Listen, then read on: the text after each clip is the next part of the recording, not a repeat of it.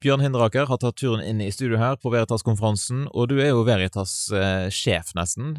Eh, jeg liker ikke sjefordet, sjefs, eh, sjefsroller, men jeg har hatt en viktig, viktig oppgave med innhold i programmet. Så, eh, så, er det veldig mange sjefer på ulike områder som jobber veldig godt, og jeg brenner voldsomt for å, å tenke ut temaer, hente inn ulike ressurser og personer og nettverk. Så det, jeg har vært sjef for programarbeidet, det kan du si. Ja, Pass på en aldri så liten rød tråd gjennom ting. Ja, rød tråd og sammenheng, og samtidig har vi litt fleksibilitet. Så vi skal ikke gjøre, skal ikke gjøre konferansen til et sånn veldig sånn tema, eh, tema ren temaserie, men vi prøver at det er rød tråd i hovedmøtene. Det finnes en sammenheng og et poeng i stort antall seminarer, og samtidig har vi en del um, som vi har, vi har, snakket litt om i styret. Vi, vi, trenger å sørge for at vi er veldig aktuelle, vi møter akkurat de behovene som er der, så ikke det bare går på de liksom større og strategiske temaene som ofte er fokusert på. Så vi har begge deler. En rød tråd, en sammenheng, og samtidig en del sånn fleksible temaer som uh, ikke minst ungdom kjenner er veldig press, uh, presser veldig på. Ja. Hvordan føles det at det er tiårsjubileum i år? Ja, um, det er veldig kjekt, og, og sant, når, når, vi ser oss tilbake, så er det jo helt utrolig hva som har vokst ut av dette. Så det er jo egentlig det jeg tenker på mest. Uh, vi hadde jo et år med, med korona, hvor, hvor, det bare var et rent digitalt uh, Veritas. Så vi startet i, uh, i 2013, og det her har så det lykkes, eller ja, mye mer enn blitt til mye mer enn vi hadde tenkt, så dette er en veldig kjekk synergi. Ja, I år er det over 700 påmeldte? Ja, det er jo helt fantastisk. Og det er jo til og med mer det året da John Lennox her, og han er jo det store navnet eh, i, i kristen apologetikk. Eh, og McGrath, ja, det er mange teologer som kjenner han, men vanlige kristne kjenner jo ikke det navnet.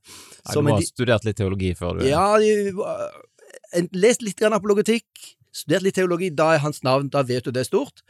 Uh, men, men, jeg tror folk kommer nå fordi her vet de at det er noe viktig som skjer, og jeg, jeg tror de tiltrekkes av at ja, jeg tror vi trenger dette. Ja. Når en starta for ti år siden, hvor mange var det som var med da, cirka? Ja, Den første gangen i 2013 var ikke jeg faktisk med, da, men jeg tror det var, var kanskje en 200-300.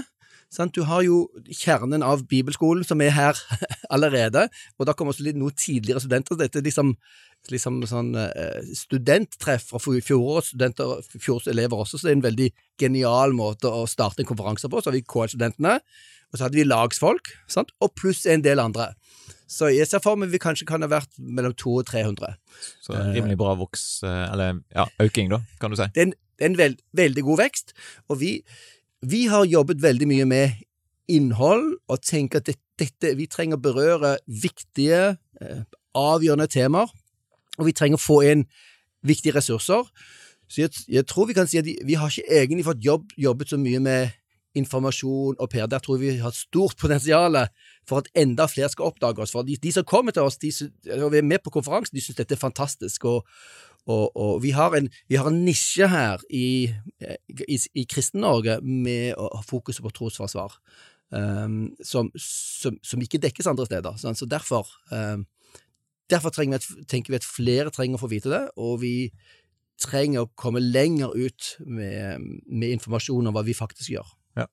Men stemmer det at apologetikken har vært helt oversitt sitt blant altfor mange kristne? Det, det, tror jeg vi kan si, ja. Ehm, det er min erfaring rundt omkring på, på bedehus og kirker, at det ses på som irrelevant eller en avvei, eller nesten som en sånn eh, et, eh, Å fanges av fornuften som en farlig ting. Um, og det, er jo noe poeng i det, sant? at når du blir fristet til å, å, å, bare skulle bruke fornuften eller til å overvise og argumentere, så kan du fort gå på kompromiss med sentrale ting i troen. Og Derfor trenger vi en ordentlig gjennomtenkning av hva kristen apologetikk skal og bør være. Og Det, det jobber vi med i det faglige på kommunikasjon og livssyn. Forståelse av apologetikken, hvordan det er forankret i Bibelen, hvordan det trenger å ha syn for for hele mennesket sant? og hele livet. At det ikke bare blir en ren, eh, rent sånn en eh, cerebral hjerne, hjerneting. Ja, Men hva er det som blir forsømt da, når en overser apologetikken? Eh, en, en, en, av de tingene som jeg tenker er utfordrende, er, er, jo at vi er gode i kirker og menigheter til å lage fellesskap, til å vise at den kristne troen er relevant, at vi knytter sammen, at den kristne troen er kanskje nyttig for vårt liv, finner retning, finner mening, finner forsoning med seg selv, med hverandre eh, og med Gud. Alle de tingene er kjempeviktige. Men jeg tror ikke vi har fått hjelp til å, å tenke eller forstå at det viktigste grunnen til at du skal tro dette, er jo fordi det er sant, og det er troverdig. Eh, og Det er et ord som er veldig vanskelig å bruke i dag, det vi kaller det postmoderne tid, hvor det er min sannhet og, og relativisme. Det, bare det å si at jeg tror det fordi det er sant, vil jo rekke, vekke reaksjoner hos veldig mange. Eh, og, og der, Derfor eh, er det veldig fristende for oss som kristne å si ja, jeg tror det. det dette er min tro. Og det er jo, det er jo sant. Men jeg skal tro på det fordi det er objektivt sant, for det er også vel bevitnet, som, som, Paulus sier. Eh, og det, det, er den tingen som jeg føler at eh, eh, store deler av kristenfolket har oversett og nøyd seg med ja, vi har et godt fellesskap. Dette, det er godt å være en kristen, det er viktig å være kristen, du får noe, men det er også sant og troverdig. Men hva konsekvenser har det fått da for Kristen-Norge, sånn som du ser det? Ja, i, i undersøkelser så viser det jo hvor både at veldig mange unge, når de forlater hjemmene sine og skal videre på, på studier og skifter miljø, så mister de troen sin. Eh, og noe kan jo bare være det at ja, nei, de var ikke interessert i dette, men de har jo ikke fått hjelp, verken hjemme eller i menigheten eller i skolen, til å tenke gjennom spørsmålene og, og, og forstå hvorfor dette er sant. For det er fordi det er sant du skal tro på det, ikke fordi det passer deg, eller fordi det, det funker bra, eller fordi du opplever noe. sant? Um, og, og undersøkelser som laget gjorde her for ikke så veldig lenge siden, viser jo at, at uh, svært mange kristne lar være å dele troen sin, og det er fordi de de har ikke den eh, tryggheten de har ikke blitt hjulpet til å møte spørsmål. Og, og hvis, man, hvis, man, får hjelp til det, så, så, ser man spørsmål som en mulighet. Sant? Det som egentlig apologetikken skal være. Det skal være en ressurs for konstruktivt, sympatisk, åpent og, og, og uten fordømmelse i tonen å kunne møte spørsmål som det er helt naturlig. Altså, hvis folk forstår hva vi tror på, at hva vi hevder er sant, så bør de pøse på oss med spørsmål og innvendinger. Uh, og det, um, det har ikke vi verdsatt. Og vi, i våre undersøkelser, vår, vår forskning på, på trosopplærere, så var en av de tingene vi fant, at konfirmantlærerne som vi spurte, de var redd for spørsmålene til konfirmantene. De var redd for å slippe spørsmålene løs, for de visste ikke hva de skulle si. Sant? Så trosopplærerne de er lært opp til hva kristen tro er, men de har ikke fått, fått verktøyene og kunnskapen til å møte spørsmålene fra andre livssyn, eller spørsmål hvorfor kan dette være sant eller godt eller vakkert. Og Der finnes det så masse ressurser. Det, det, er ikke noen grunn til at vi skal stå der eh, og, og, og, og løpe fra spørsmålene, eller la være å åpne for spørsmål. For det finnes så masse ressurser. Det er noe av det vi holder på med i, i studiene våre på kommunikasjon og livssyn på NLI-skolen. Å utforske og, og, og, henvise folk til disse svære, fantastiske kildene vi har gjennom historien, og, og samtidig nålevende folk som arbeider med dette. Hva vil du si at apologetikken har betydd for deg personlig?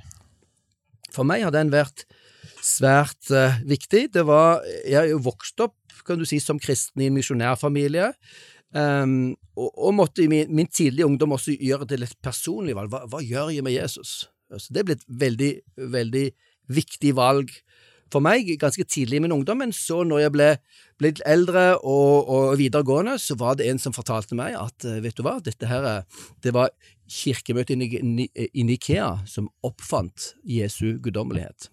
Det er det vi har hørt senere fra Dan Brown sin fortelling. Og det skaket min tro. Er, alt dette jeg leser i Bibelen, er det bare, er det bare en myte som er skapt kjempeseint? Um, og han henviste til og med til leksikon Pax leksikon, uh, som han hadde. uh, denne hippien som var en, en, en nabo av oss på, på landstedet vårt. Uh, og Seinere har jeg jo forstått at dette her er jo en ganske utbredt myte, eh, til og med eh, i, i, i, sånne lærebøker. og Derfor har vi også den fagsjekk vet du, som Bjørn Are Davidsen holder på med. Men for meg ble det, ble det liksom Ja, men jeg, jeg, tror det, men hvordan kan jeg vite det er sant? Og så, når, jeg var 20 år og skulle reise hjemmefra, så mistet jeg min far. Døde plutselig av, av hjerteinfarkt. Og så dro jeg hjemmefra og skulle på bibelskole. Det var et, flott og viktig år for meg. Og det året ble Der oppdaget jeg oppstandelsen. Det kristne håpet er ikke håp om himmelen, det er håp om oppstandelse. Og det jeg aldri hadde drømt om, er at ja, Jesu oppstandelse går det faktisk an å argumentere for rent historisk. Det finnes svært gode Du kan ikke bevise det, du kan ikke bevise noen ting historisk, men det finnes så, så gode grunner for Jesu oppstandelse at atskillige ateister har kommet til kristen tro gjennom å utforske spørsmålene. sant? Så det ble et fantastisk år for, for meg, for å oppdage den kristne troens hjerte, utgangspunkt, i Jesu oppstandelse, og at dette er så vel bevitnet. Vi, vi, vi trenger ikke liksom vi trenger ikke skjule og dekke over noen ting. Kom og undersøk. Og jeg pleier å si til folk, ja, hvis du skulle finne ut at Jesus ikke sto opp, kom og fortell meg det, for da vil jeg hoppe av dette. Det sier Paul, hvis ikke Jesus har stått opp, da er dette ikke bare dumskap, men det er et bedrag. Eh, Det burde forkastes. Men Når starta du da med å jobbe for at flere skulle få øynene opp for verdien av apologetikk? Jo, det, det, året på bibelskolen på Fjellhaug i, i 1980, det, der begynte vi allerede. Vi lagde kvelder med fokus på, på en Francis Schaefer, blant annet, og så hadde vi eh, jobbet vi, vi skrev lite grann, Lars, det, sier vi, det min venn og kollega Lars Dale til, tilbake den tiden også. Vi skrev artikler, vi, eh, vi arbeidet med stoff, vi hadde grupper og bibelgrupper, eh, og senere tok jeg teologiutdanning, så det har vært eh, mye brukt mye av, av fritiden min til å arbeide med trosforsvar, mens det var veldig lite, lite rom for trosforsvar i teologistudiene. sant? Eh, på, på den tiden, og tror jeg kanskje det er litt, litt mer. Religionsfilosofi er liksom det temaet som dekker over dette, men det har en litt helt annen innretning enn den kristne apologetikken, selv om de er nyttige for hverandre. Men dere har jo jobba i motvind eh, en del år, da, tydeligvis. Eh, og, og selv om det ser ut som det begynner å bli en større interesse for det, så er det jo fortsatt en debatt rundt apologetikkens rolle og muligheter og begrensninger. Ja. Ja, kanskje det er til og med farlig å drive med apologetikk? Hva tenker du om det? Ja, det er like farlig å drive med apologetikk som det er å drive med misjon. Sant? Du, du kan fristes til kompromisser. Sant? Du kan tilpasse evangeliet til den kulturen du kommer med. Sant? Du kan egentlig selge barnet for å tilpasse deg den kulturen du skal liksom selge troen. Så jeg vil egentlig si til apologetikk en del av vårt misjonsoppdrag. Vårt oppdrag er å dele Jesus eh, til alle mennesker vi møter, ulike kulturer. Eh, og det må vi gjøre på tross av den risikoen. Eh, og vi, vi finner veldig god oppmuntring i å se på Paulus sin praksis, ikke minst hans tale, den, den talen i Nyttestamentet som er rettet mot de som ikke på forhånd tror på Israels Gud, sant, på den kristne troen. Eh, hvor Paulus eh, presenterer kristentroen, han utfordrer samtidige filosofer, filosofier som epikurianisme og stoisisme, som vi vet var svært utbredt av, eh, og så presenterer den kristentroen og utfordrer, og der går, trekker han også fram han som Gud har reist opp, og vel bevitnet, og da ble, da ble talen hans stoppet. Men vi, vi tror dette er en del av vårt ansvar. Vi er opptatt av å være forankret i en, en sånn klassisk forståelse av kristen tro, at ikke vi gir at ikke vi gir opp Bibelen sant, for å, å, å fjerne um, det vi kaller anstøt det som er problemene. Det, det er kanskje en av de store fristelsene, men du trenger ikke drive med apologetikk for å gå, gå på kompromiss med dette her. Sant? Eh, og jeg tenker heller at en, bedre ting er, er å tydeliggjøre den kristne troen er, hvorfor disse tingene som ikke passer inn i kulturen, hvorfor de faktisk gir mening ut fra et kristent perspektiv. Eh, Ja, den utfordringen er, er- gjelder oss alle, med, med eh, faren for tilpasning. Mm. Og vi, vi, vi jobber med den faglig på, på, på studiekommunikasjon og livssyn, og vi har akkurat hatt et symposium nå, forskningssymposium, forskningskonferanse, hvor vi har Um, vi produserer uh, vitenskapelige artikler om C.S. Lewis for å reflektere over metode og muligheter og begrensninger for apologetikk. Dette, dette er noe vi arbeider med, og jeg tror ikke det skal være så enkelt og lett.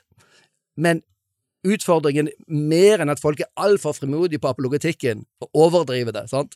Så, så ser vi det akkurat det motsatte. Folk har ikke frimodighet, de har ikke oppdaget det, de har ikke sett mulighetene, de vet ikke at den kristne troen faktisk er, kan være både godt gjennomtenkt og vel bevitnet. Så det er egentlig det, det enkle eh, prosjektet vårt. Og da in inviterer vi folk, ikke til å overta vår filosofi, men til å komme og utforske.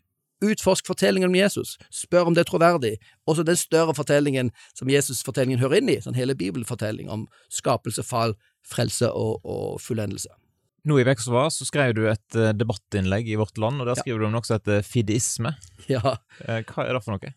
Eh, ja, det var respons til en kollega av meg som, som hadde en, en, større kommentar og hvor han reflekterte over apologetikk, apologetikkens muligheter og begrensninger.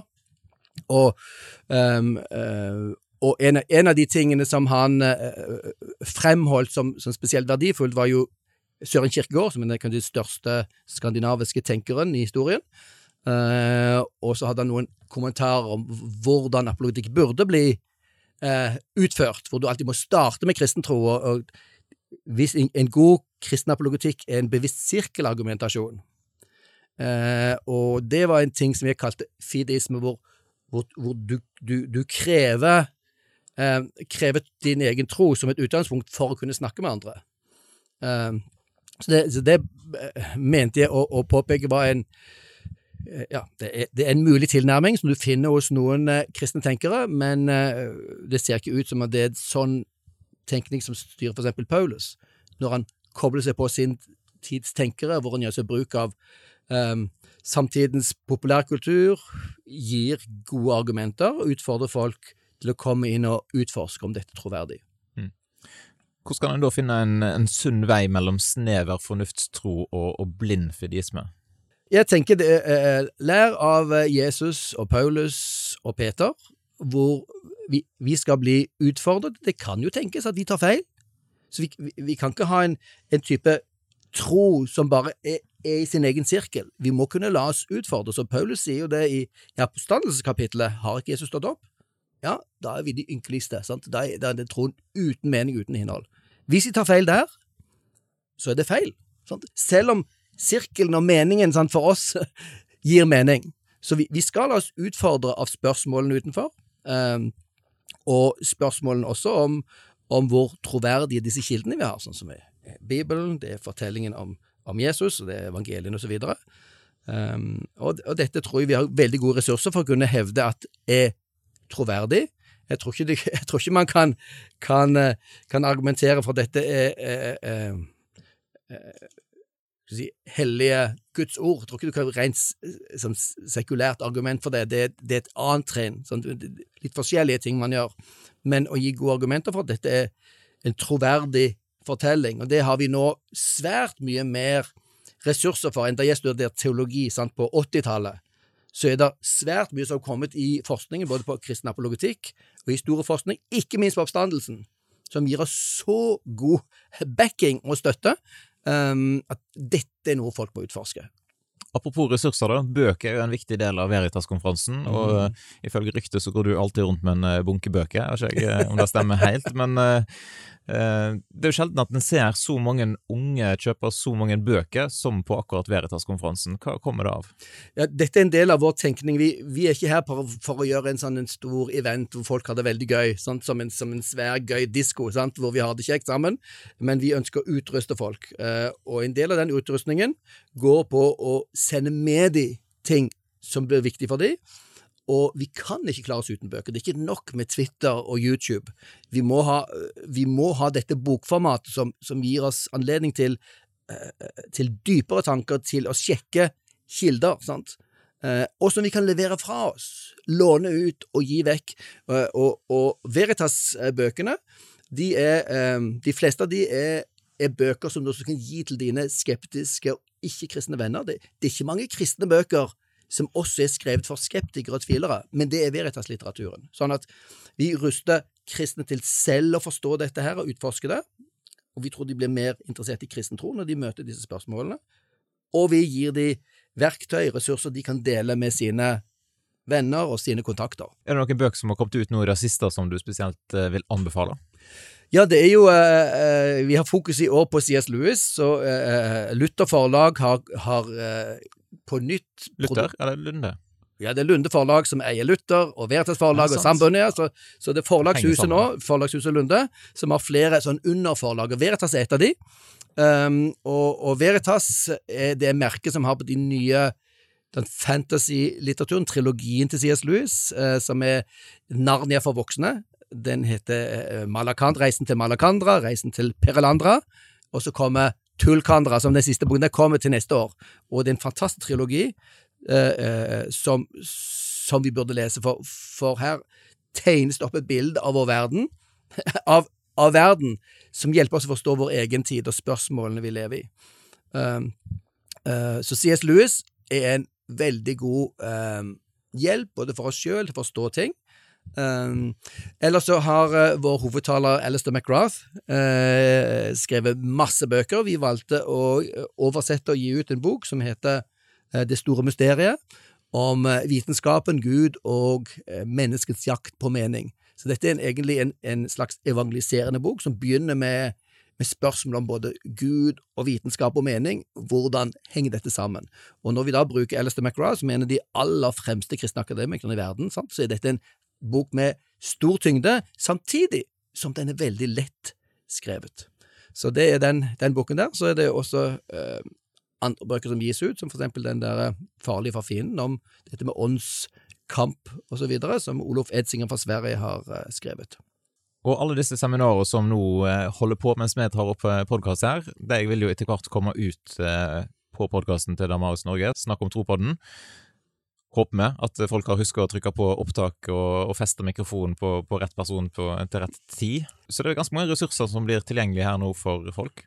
Ja, og det er jo en del av, det, en del av tenkningen her at det er ikke bare den eventen og den hendelsen, men vi ønsker at det som formidles her, er ting folk kan ta med seg. Folk kan bare velge tre seminarer sant, av disse 30 som er på konferansen, men alt blir jo tatt opp og gjort tilgjengelig, sant? Så, så man kan konsultere ting og utforske ting i etterkant på snakkomtro.no og på snakkomtro-podkasten, som det er du som, du som legger ut. Har du datoen for neste års Veritas-konferanse? Ja, det, er 19, slutt? det er 19. oktober. Så hvis folk syns at dette har hørt interessant ut, Ja. så bør de ta turen. Ja, og så får du høre hvem som er hovedgjest eh, på et tidspunkt. Ja, det blir spennende. Ja.